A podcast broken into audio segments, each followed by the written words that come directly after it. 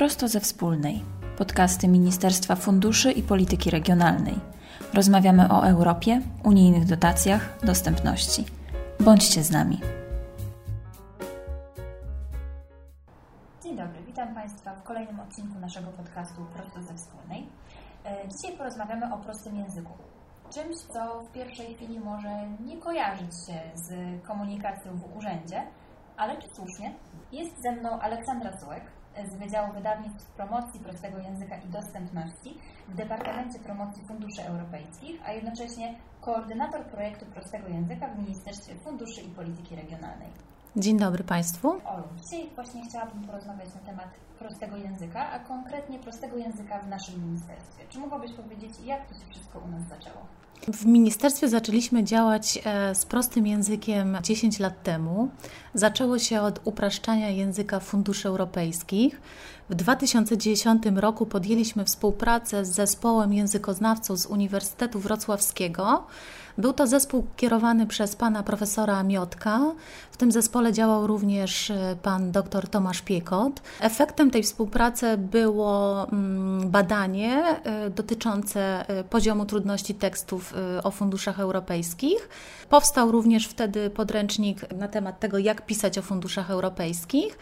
I od tego w zasadzie wszystko się zaczęło. Także można powiedzieć, że działamy już na rzecz upraszczania komunikacji w naszym ministerstwie od bardzo wielu lat i zaczęło się wszystko y, od y, języka funduszy europejskich, a w tym momencie już y, inicjatywa się mm, rozszerzyła i podejmujemy bardzo wiele działań i nawiązaliśmy współpracę z wieloma urzędami i instytucjami. I można też powiedzieć, że w naszym ministerstwie działa grupa, która jest odpowiedzialna za ten prosty język. Zgadza się. W Departamencie Promocji Funduszy Europejskich e, jest Wydział Wydawnictw, tak jak powiedziałaś, i promocji prostego języka i dostępności. W naszym departamencie koordynatorem tego projektu jestem ja, ale nie działam w pojedynkę. Aktywnie wspiera mnie e, mój zespół e, z mojego departamentu, ale także działa sieć liderów prostego języka w pozostałych departamentach i biurach ministerstwa. Obecnie praktycznie w większości biur i departamentów są liderzy prostego języka. Jest to około 30 mm, osób, y, w bodajże 23 e, komórkach organizacyjnych. Aktywnie się wspieramy, działamy, wymieniamy się mm, wiedzą, doświadczeniami, propagujemy prosty język wśród e, naszych kolegów w ministerstwie, staramy się przekonywać do prostego języka naszych przełożonych bo to, co jest bardzo ważne w prostym języku i to warto już powiedzieć na samym początku, to jest to, że prosty język e, i zmiana w kierunku prostej komunikacji powinna mieć wsparcie przełożonego. To bardzo dużo pomaga i e, to jest taka rzecz, którą warto też uświadamiać w całym tym procesie zmiany. Powiedziałaś właśnie o tych liderach, więc przyjrzyjmy się temu, jak wygląda prosty język w naszym ministerstwie w tym praktycznym wymiarze. To znaczy, co konkretnie robią ci liderzy, co się dzieje u nas w środku, żeby ta komunikacja była jak najprostsza.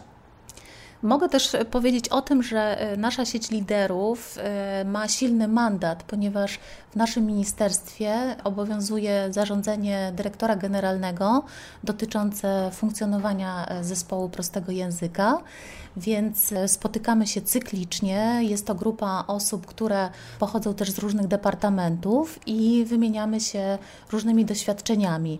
Dodatkowo nasza sieć liderów to są osoby, które mają kompetencje do tego, żeby przeprowadzić na przykład szkolenie z prostego języka, mogą uczyć, edukować swoich kolegów z departamentu, jak pisać proste pisma, jak tworzyć eleganckie i proste, mniej lub bardziej oficjalne e-maile. Są to osoby, które też powinny posiadać takie kompetencje do tego, e, żeby móc występować publicznie, czyli mieć takie cechy lidera, który potrafi przekonać do zmiany innych.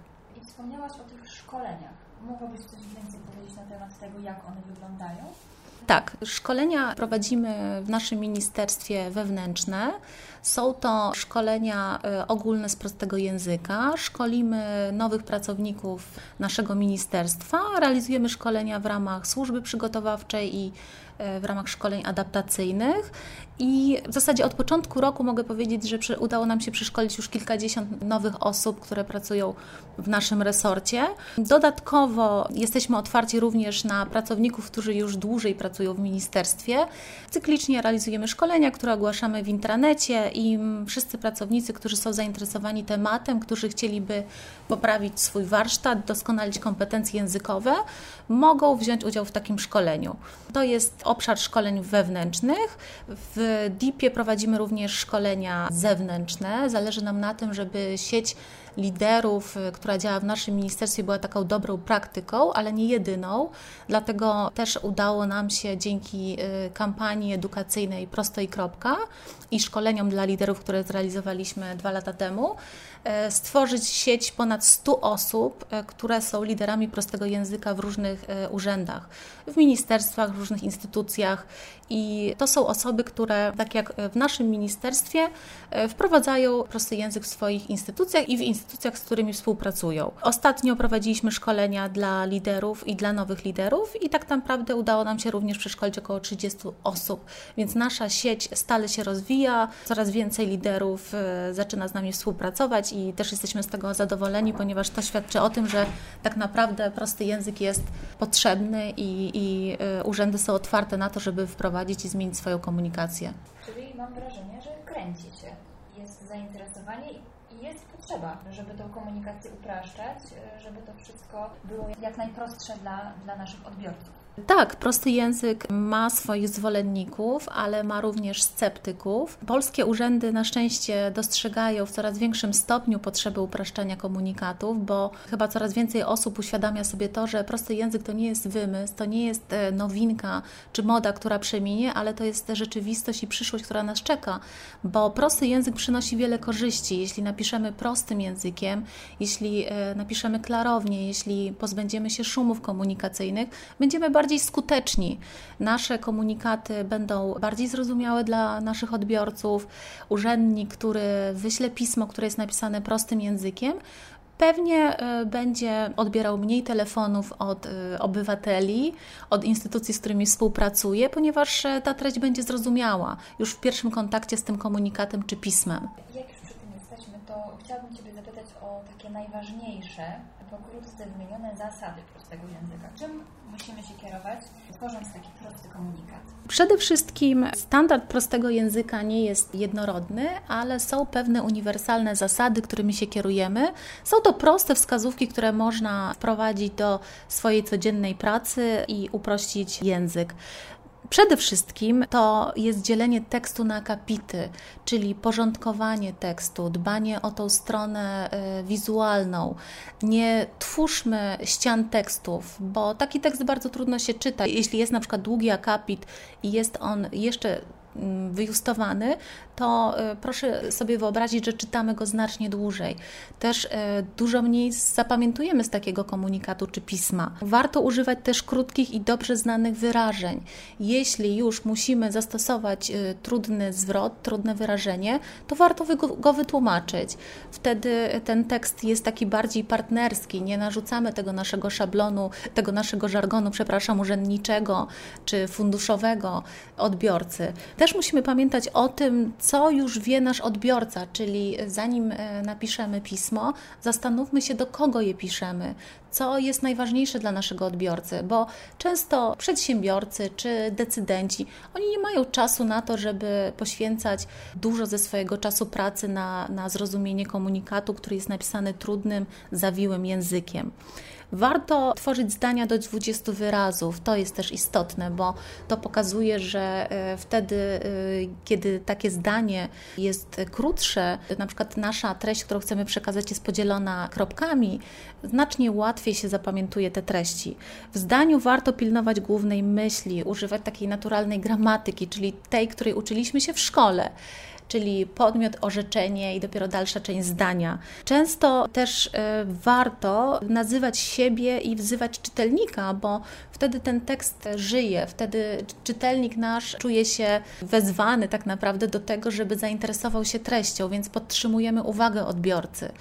To nie są zasady, które my wymyśliliśmy w ministerstwie. To są zasady, które są promowane przez naukowców, przez osoby, które profesjonalnie zajmują się mm, upraszczaniem komunikacji, przez znanych językoznawców. My tutaj aktywnie współpracujemy od wielu lat też e, z językoznawcami z pracowni prostej polszczyzny. Ten model prostego języka jest też popularny w innych urzędach. Także to są naprawdę proste, proste rzeczy, proste wskazówki, które warto e, poznać, doskonalić swój warsztat, a efekty przyjdą same. Praca z prostym językiem to jest praca na lata, nic się nie zmieni od razu. E, trzeba naprawdę małych kroków, żeby ten styl urzędowy w Polsce się zmienił. W nazwie Waszego wydziału jest również słowo dostępność. Dlatego chciałabym zapytać, właściwie jest sformułowanie promocji prostego języka i dostępności.